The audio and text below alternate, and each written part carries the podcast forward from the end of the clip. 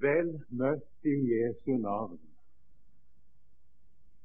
Jeg ville gjerne vi skulle stanse under det hovedsynspunkt til å begynne med. Hvem er Jesus? Ja, hvem er Jesus? Og under synspunktet at Jesus er vår stedfortreder. Det Guds ord som vi skal gå ut fra på dette møtet, finner vi i Matteus evangelium kapittel 1, vers 18-23 skal jeg lese der. Men innen vi leser, skal vi samle oss i bønn. Men jeg vil gjerne be forsamlingen om én ting. Når jeg leser fra Guds ord, så forbli sittende, er de snille. Det er det beste for meg om vi gjør så. Og jeg tror også at de hører best spesielt når jeg følger med i deres bibler. Det var altså Matteus 1. Vi skal først samle oss i bønn i Jesu navn. Kjære Jesus, jeg vil takke deg, du Guds egen sønn, at du kom hit til oss, at du gikk inn i menneskeslekten og ble et menneske som vi, dog uten synd. Jeg takker deg, Jesus, fordi du tok på deg å frelse og forløse oss fra alle våre synder, og at du har gjort det med ditt eget blod, Jesus. Jeg takker deg fordi du er blitt vår rettferdighet for Gud, og at alt hva du er og har gjort, blir oss tilregnet ved troen på deg. Nå har jeg en bønn til deg, Jesus. Gi meg ordene nå når jeg skal tale. Herre, ordne du mine tanker. Og vær du med meg når jeg leser ditt ord. Og la ordet i seg selv tale. Du har sagt at mennesket kan ikke få noe uten at det blir gitt ham fra himmelen. Og det er sant om meg, Jesus, at jeg trenger til å få alt gitt fra himmelen her jeg står. Jeg har så stor en bønn til deg, Jesus, at du vil la oss få lov å se deg og høre din røst og tale like inn i vårt hjertes innerste. Amen. Altså I Matteus evangeliets kapittel 1 fra vers 18 står i Jesu navn. Men med Jesu Kristi fødsel gikk det således til. Da hans mor Maria var trolovet med Josef, skjedde det at hun ble fruktsommelig før de var kommet sammen. Hun ble fruktsommelig ved Den hellige ånd. Josef, hennes mann, som var rettferdig og ikke ville føre skam over henne, ville skille seg fra henne i stillhet. Mens han nu grunnet på dette, se, da åpenbaret Herrens engel seg for ham i en drøm og sa:" Josef, Davids sønn, frykt ikke for å ta din hustru Maria til deg, for det som er avlet i henne, er av Den hellige ånd. Og hun skal føde en sønn, og du skal kalle ham Jesus, for han skal frelse sitt folk fra deres synder. Men alt dette skjedde for at det skulle oppfylles som er talt av Herren ved profeten, som sier:" Se, en jomfru skal bli fruktsommelig og føde en sønn, og han skal kalles Immanuel. Det er utlagt Gud med oss.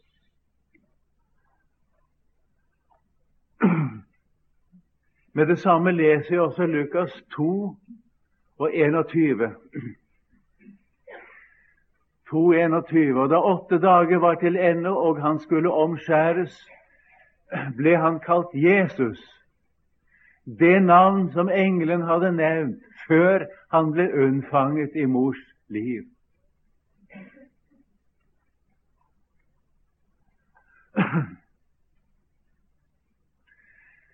Vi skal legge merke til i kapittel 1 hos Matteus Det skal ikke fortelles at Jesus ble født. Det forutsettes kjent. Men det står hvorledes han ble født. Det er Guds budskap til oss at vi skal legge merke til hvorledes det gikk til med Jesu fødsel. Med Jesu Kristi fødsel gikk det således til. Det er underlig å tenke på at de lesere som først skulle ha dette evangelieskrift, det var kristne hebreere, kristne jøder.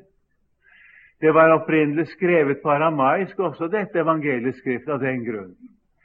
De visste at Jesus var Guds sønn. Det visste de. De trodde på Jesus som sin frelser. De kjente evangeliet sådan som det ble forkynt ved apostelen Paulus f.eks., og ved Peter og ved Johannes. Det kjente de til. Men det som vi er vant til å tenke på i de tre første evangelieskriftene, det kjente de ikke. De visste ikke til å begynne med hvorledes det kunne ha seg at Jesus skulle komme fra Nasaret. Han skulle jo komme fra Betlehem, eller at han skulle slå seg ned i Kapernaum og ha sitt utgangspunkt for sin virksomhet i Galilea fra Kapernaum, og ikke slå seg ned i Jerusalem, og mange andre spørsmål. Vi er jo vant til å lese dette i kronologisk rekkefølge. Men det var litt annerledes med de første kristne jøder, i hvert fall. Derfor ble det gitt dem fra Herren at de skulle få vite den riktige sammenheng med alle slike ting. Og ikke minst dette med Jesu Kristi fødsel gikk det således til.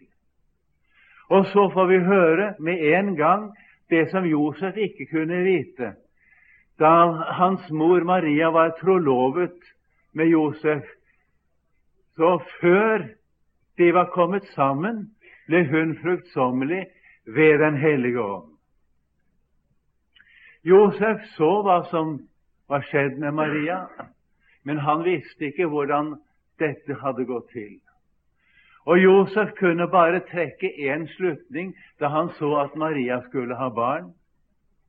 Og så utrolig det enn var, og måtte synes ham, så måtte hun ha vært sammen med en annen mann. Han kunne umulig trekke noen annen slutning. Det var høyst ulikt Maria, og det var høyst utenkelig at Maria skulle ha gjort det. Men hva skulle Josef tenke? Han så at Maria skulle ha barn. Josef var en gudfryktig mann. Han var rettferdig, står det. Han hører til de få som Skriften kaller rettferdige. De som ventet på Israels trøst, de ble også nettopp kalt de stille i landet. Det var til dem Jesus kom da han kom hit til verden første gang. En liten krets i Israel, en krets av virkelig troende mennesker som ingen regnet med, og som ingen aktede på. Til dem hørte Sakarias og hans hustru, altså døperen Johannes' foreldre. Og Simon i tempelet og Anna hørte til den samme krets. Og sannsynligvis hyrdene på Betlehemsmarken hørte til denne krets.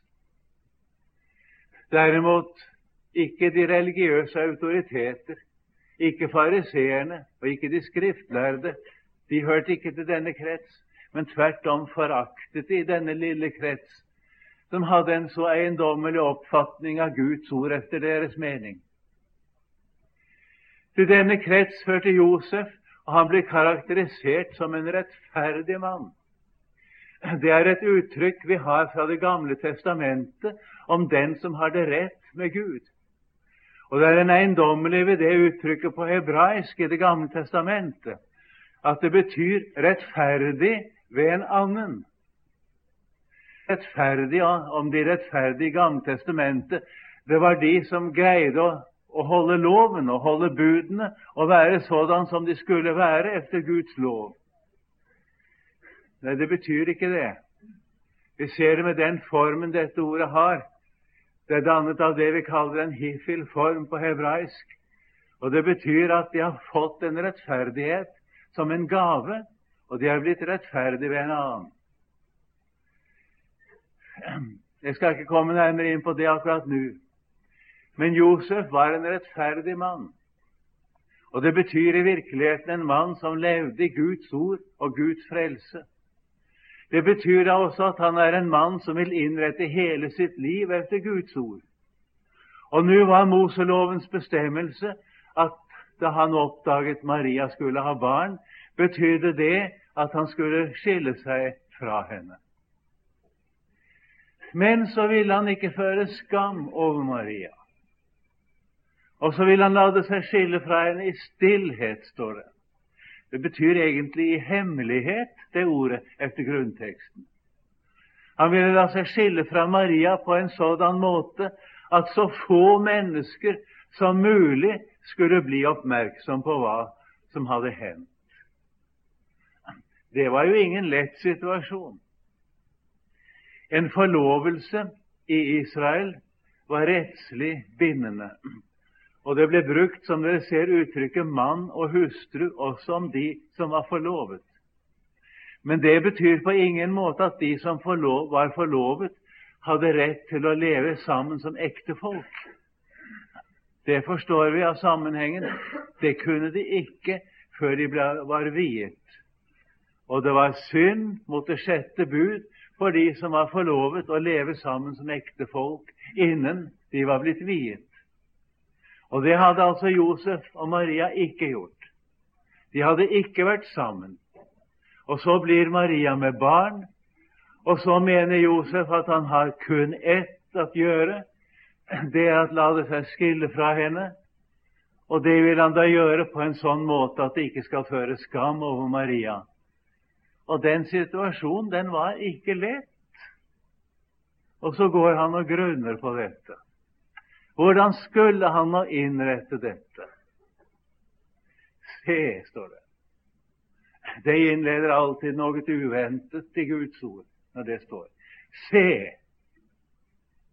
da åpenbarte Herrens engel seg for ham i en drøm. Det er et underlig ord. Hvem er Herrens engel?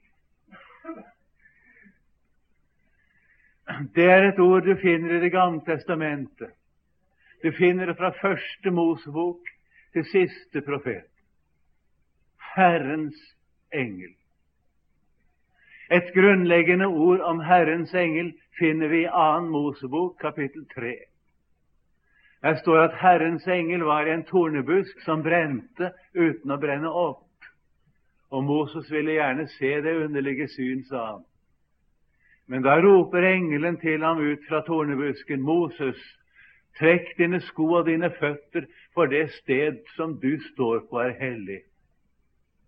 Og så står det i 2. Mosebok 3,6, og det ordet må jeg merke her, av hva Herrens engel sier. Jeg er din fars Gud. Jeg er Abrahams Gud, Isaks Gud og Jakobs Gud. Den engelen er ikke en skapt engel. Det er Gud i en engels skikkelse. Eller for å si det helt nøyaktig det er Gud som kommer som sendebud fra Gud. Engel betyr nemlig sendebud eller utsending. Gud har sendt Gud. Han åpenbarer seg for Moses kaller Moses til å utfri Israel fra Egypten. Og du husker i den sammenheng, det er i 2. Mosebok 3,14, da åpenbarer han sitt navn for Moses. Han sier 'Jeg er den jeg er'. Så skal du si til Israels barn 'Jeg er' har sendt meg til dere. Jeg skal ikke si mer om denne Herrens engel nå i denne sammenheng, men det betyr dette samme her også. Herrens engel åpenbarte seg for Moses. Det står ikke én Herrens engel. Det hadde betydd en skapt engel, men det står ikke det. Det står Herrens engel. Det betyr Herren selv. Og her står vi overfor noe som er aldeles ubegripelig og uforklarlig. Han som er unnfanget i Marias mors liv, han åpenbarer seg for Josef i en drøm. Det er det ordet betyr. Jeg vet ikke hvor mange bibellesere som tenker på dette når de leser det, men det er det som dette ord faktisk betyr. Jeg sier igjen, jeg kan ikke begripe det, ikke med min tanke og forstand, men jeg forstår det med mitt hjerte. Og det er et ord jeg elsker. Han som er i ferd med å komme til verden, han åpenbarer seg for Josef, og så sier han, frykt ikke for å ta din hustru Maria til deg, for det som er avlet i henne, er ved Den hellige ånd. Hvordan det gikk til, leser vi i Lukas evangeliets første kapittel. Engelen Gabriel åpenbarer seg for Maria, vet du, og forteller henne hva hun er utvalgt til av Herren. Og hun svarer, Se, jeg er Herrens tjenerinne. Og så skjer unnfangelsen i Marias mors liv gjennom Marias hørsel, gjennom det Guds ord engelen taler til Maria. Han som er ordet fra evighet, det er han som blir kjød.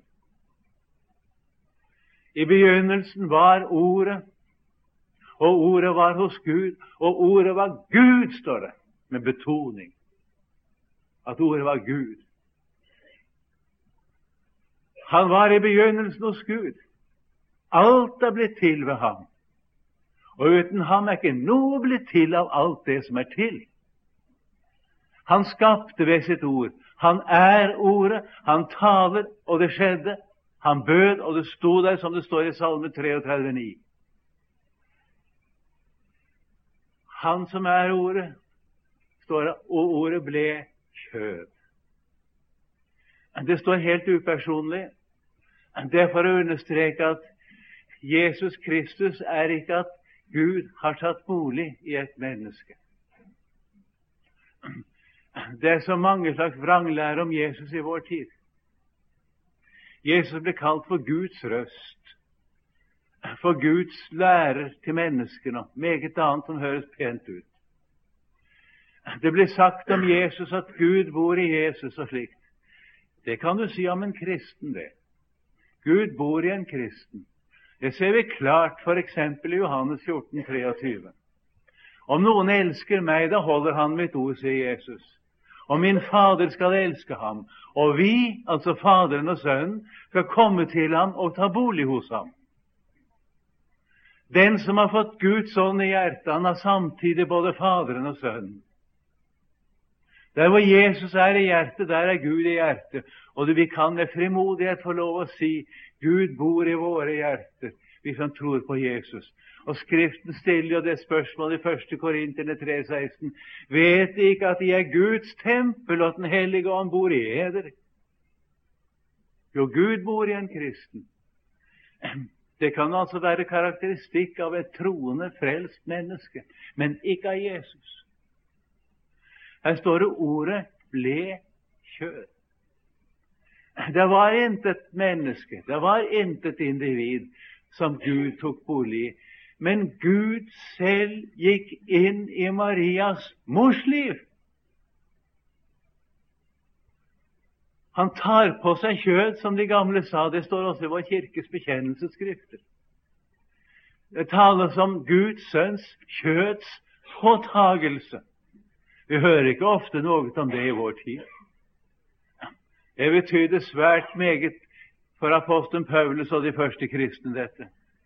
For deres budskap var alltid konsentrert om hvem Jesus er. Og fordi de så hvem Jesus er, kunne de også se hva det var han gjorde for noe. I dag er man kommet så langt bort fra dette. Derfor skal vi se på det. Ordet ble kjød. Gud selv gikk inn i Marias mors liv. Og Gud har gjennomgått hele utviklingen fra mors liv til døden på korset. Han ble et menneske. Jesus er Gud. Når du ser Jesus, da ser du Gud. Når du hører Jesus, da hører du Gud. Og Jesus bruker så stort et ord i Johannes 14 til Philip. Den som har sett meg, har sett Faderen. Og i Johannes 10 sier han, jeg og Faderen, vi er ett. Da tok jødene opp stener for å stene ham. Og Jesus spør dem, 'Mangen en god gjerning har jeg vist dere fra min Fader. Hvilken av dem er de stener meg for? Og de svarte ham, for noen god gjerning stener vi deg ikke, men fordi du som er menneske, gjør deg selv til Gud. Og nettopp det han gjorde. Han som er menneske, gjorde seg selv til Gud fordi han er Gud. Det var dette som ble åpenbart for Josef ved Den hellige ånd. Hun skal føde en sønn, og du skal kalle ham Jesus. Det er sammensatt av to ord, Gud og frelse. Kort sagt betyr det den som Gud bruker til å frelse. Guds frelse. Du skal kalle ham Jesus, for han skal frelse sitt folk fra deres synder. Menneskelig sett var det et alminnelig navn på Jesu tid, og det er til og med et alminnelig navn fremdeles i Midtøsten. Endog blant araberne er det ganske alminnelig. Allikevel det har en eiendommelighet, dette navn. Det er bestemt i himmelen og ikke på jorden at han skal hete Jesus. Han får en åpenbaring. Du skal kalle ham Jesus, for han skal frelse sitt folk fra deres synder. Og Det er det som også blir sagt i Lukas 2, 21. Han fikk navnet Jesus, det navn som engelen hadde nevnt før han ble unnfanget i mors liv. Og Det er det som er vesentlig for oss å være klar over. Det er bestemt i himmelen at han skal hete Jesus. Han skal hete det fordi han er det. Han er Jesus. Brorsan benytter seg av dette f.eks. i sin nyårssalme 'Saligheten er oss nær'. Det er et vers der lyder sådan og jeg er en synder stor. Det er all min navnære. Bedre kan det ikke være når jeg hører lovens ord.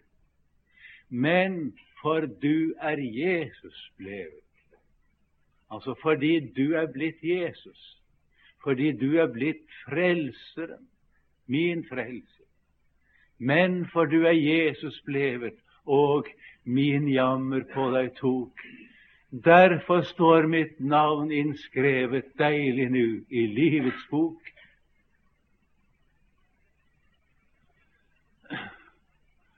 Da Josef fikk denne drøm, da opplevde han noe.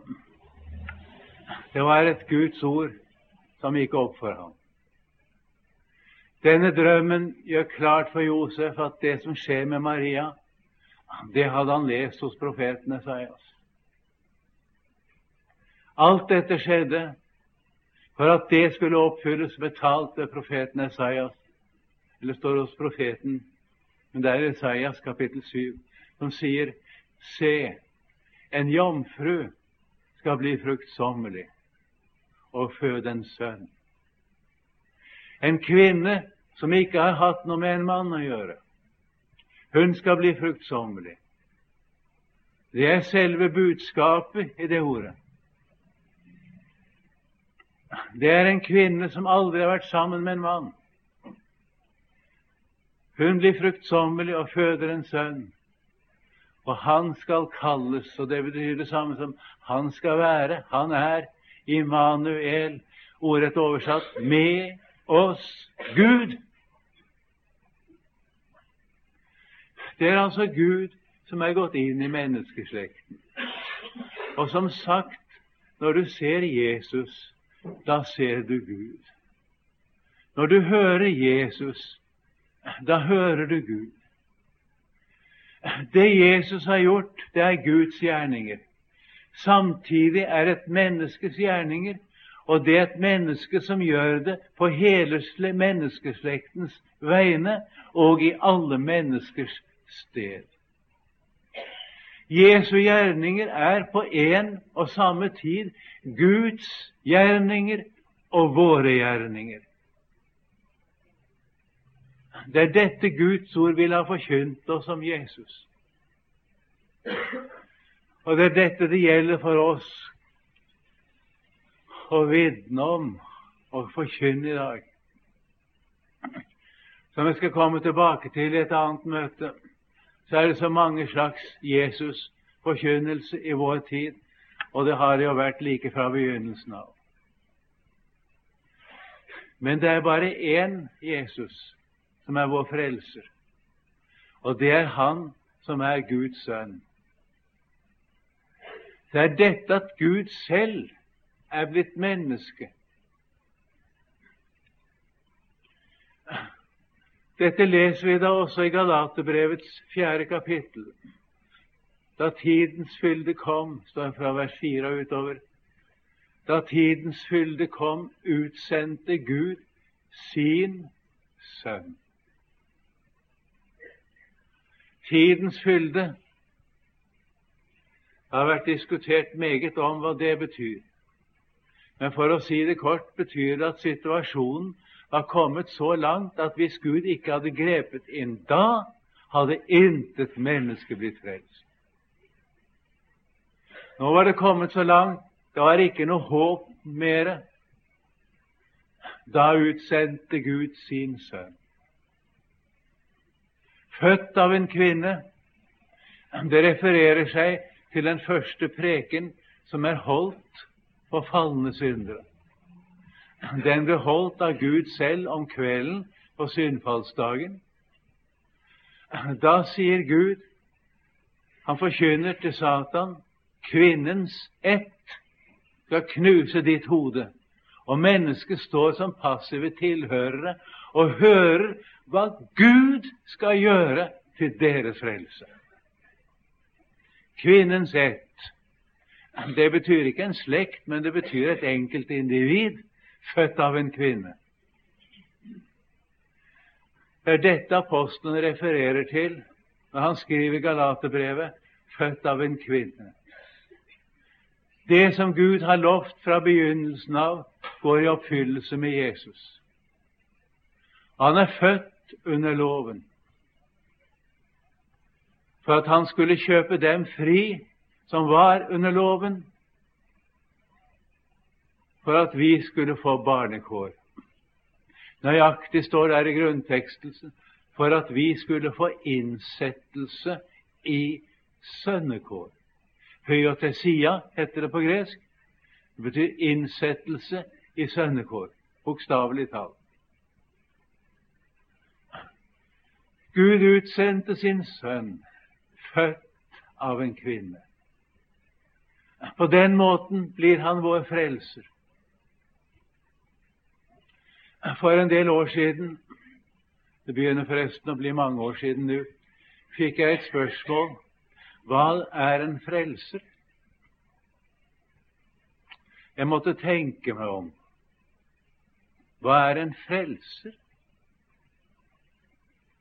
Og svaret kom til meg. Det er en som går inn i andres nød og tar den på seg, så at han frir dem ut som er i nøden.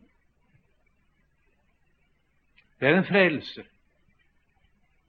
En som går inn og tar på seg den nød som andre ellers måtte vært tatt, og frir dem ut. For å gjøre det må man dele kår med dem som man skal frelse. Man må gå inn i deres forhold. Man må gå inn i deres situasjon. Hvis en mann ligger ute i sjøen og holder på å drukne og roper om hjelp, kan det ikke nytte å stå på land og si 'stakkars han'. Jeg skulle gjerne hjelpe ham. Men du må ut i sjøen til ham. Du må dele kår med ham. Da kan du ha håp om å redde ham.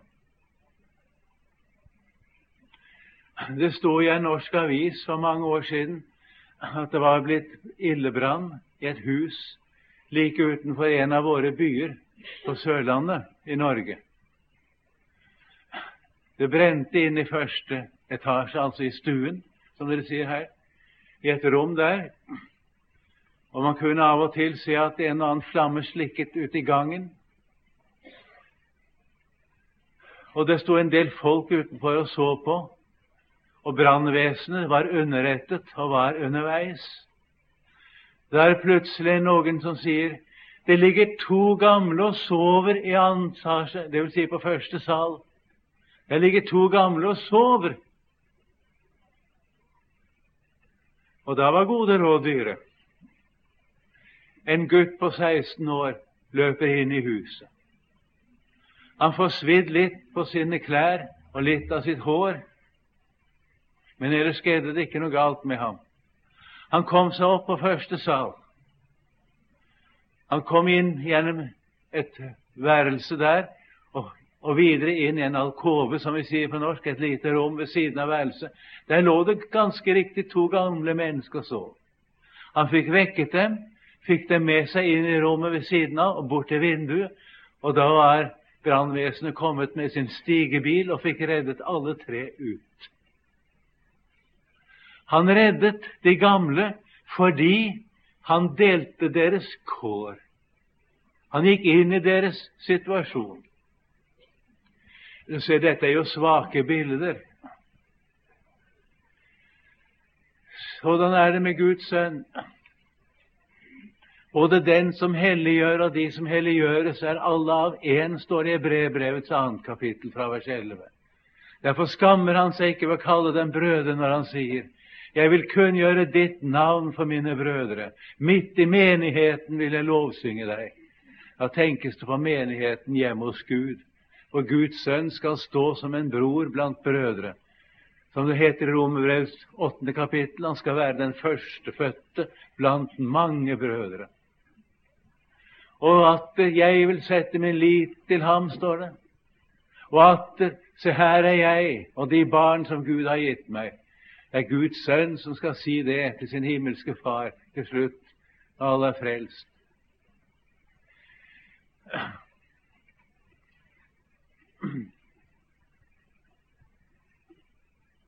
Derfor står det videre liksom barna har del i blod og kjøtt, fikk også han i like måte del deri. Disse som skulle frelses, de er i blod og kjød. så fikk han på samme måten del i blod og kjød, for at han ved døden skulle gjøre til intet den som hadde dødens velde, det er djevelen, og utfri alle dem som av frykt for døden var i trelldom all sin livstid. For engler tar han seg ikke av, men Adams ett tar han seg av.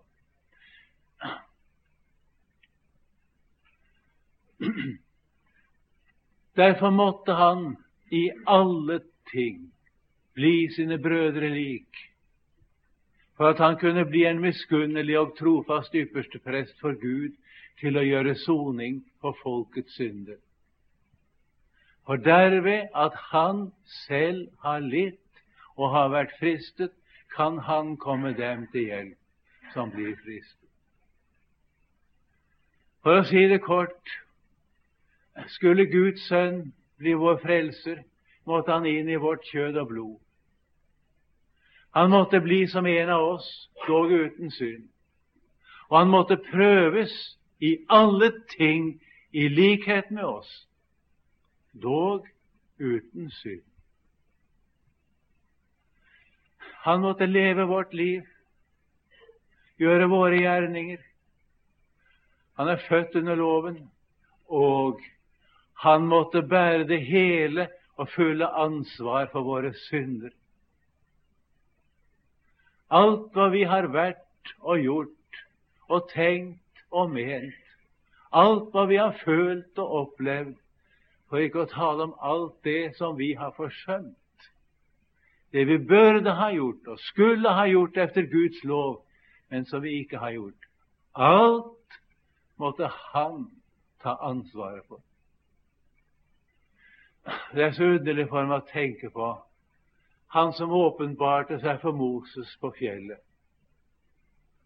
Han som sier om sitt forhold til Moses ansikt til ansikt taler jeg med ham, munn til munn, som en mann med sin neste.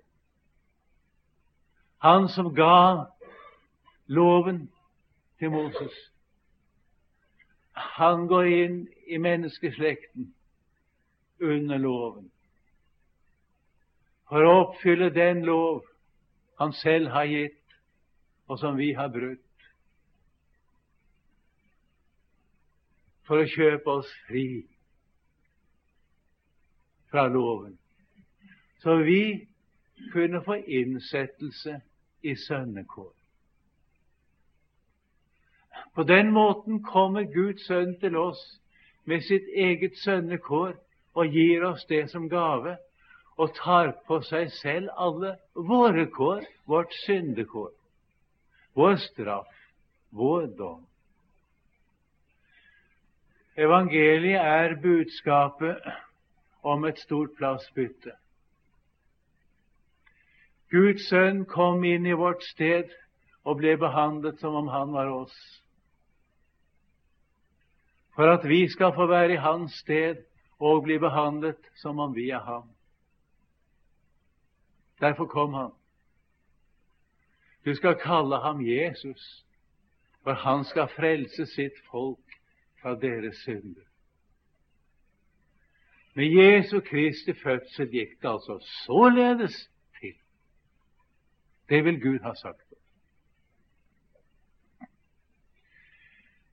Foran dette ord hos Matteus, i vers 2-17, står det vi kaller et slektsregister.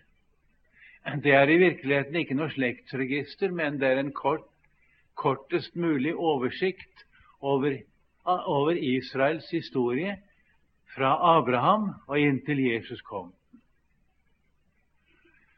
Fariseerne og de skriftlærde de lærte at Messias skulle gjenopprette Israels storhet. Israel skulle bli det religiøse sentrum i verden også det politiske og økonomiske sentrum, for den saks skyld. Israel skulle bli et glansrike. Det skulle bli enda større enn på Davids tid. Og den glans som var over David, skulle komme med Messias. Han var jo Davids sønn. Han skulle gjenopprette Israels tapte storhet. For å gjøre dette klart er det Matteus, og det vil si Gud selv, det er Guds ord til oss gjennom Matteus, gir en oversikt over Israels historie. Hvordan har den egentlig vært? Det står noen kvinnenavn der i første delen av denne slektshistorien. Tamar, eksempel, og Rahab og Ruth og Urias' hustru er nevnt. Sara er ikke nevnt, heller ikke Rebekka, disse gudfryktige kvinnene. Men Tamar, det var en stygg historie. En skjendig historie. Rahab, det er også en stygg historie. Skjønt Rahab hun gikk nå over til jødenes tro, som vi ser i Hebrevbrevet. Ruth, hun var gudfryktig og ren. Men hun var hedningekvinne. Derfor nevnes hun. Det skal nevnes at Davids oldemor det var en hedningekvinne. Også den stygge historien med Urias' hustru. Det legges ikke skjul på det. Det stygge, det vanærende, det syndige trekkes frem gjennom en del konkrete eksempler. Hvorfor gjør det det? for å vise at Israels historie det var en syndig historie. Så kommer den andre rekken med alle de ugudelige kongene som er nevnt der. Det førte jo Israel i dom og fangenskap. Og så kommer den siste perioden, som var profetløs, uten Guds åpenbaring. Med andre ord Guds ord viser Israels historie er sådan at folket må frelses fra den. Ellers blir det ikke frelst. Da Messias kom, kunne han ikke gjenopprette den historie som folket tvert om måtte frelses fra. Hos profeten er dette ofte uttalt, f.eks. hos Osaias i det 43. kapittel. Kom ikke hud i forrige ting, akt ikke på fortiden. Se, jeg gjør noe nytt. Nu skal det spire frem. Ordet 'spire' på hebraisk det danner et ordspill med ordet 'Messias'. Så spire og Messias, det er det samme. Kom ikke i hud i forrige ting, akt ikke på fortiden. Se, jeg gjør noe nytt. Skulle folket frelses, måtte det komme noe nytt. Og så får vi høre med Jesu Kristi fødsel gikk det således til. Det kom i sannhet noe nytt. Gud selv ble menneske. Gud selv gikk inn i menneskeslekten som en av oss. Det er noe nytt. Han som er fra begynnelsen, han som er evig, og som sier om seg selv 'Jeg er begynnelsen'. Han som er alle tings opphav.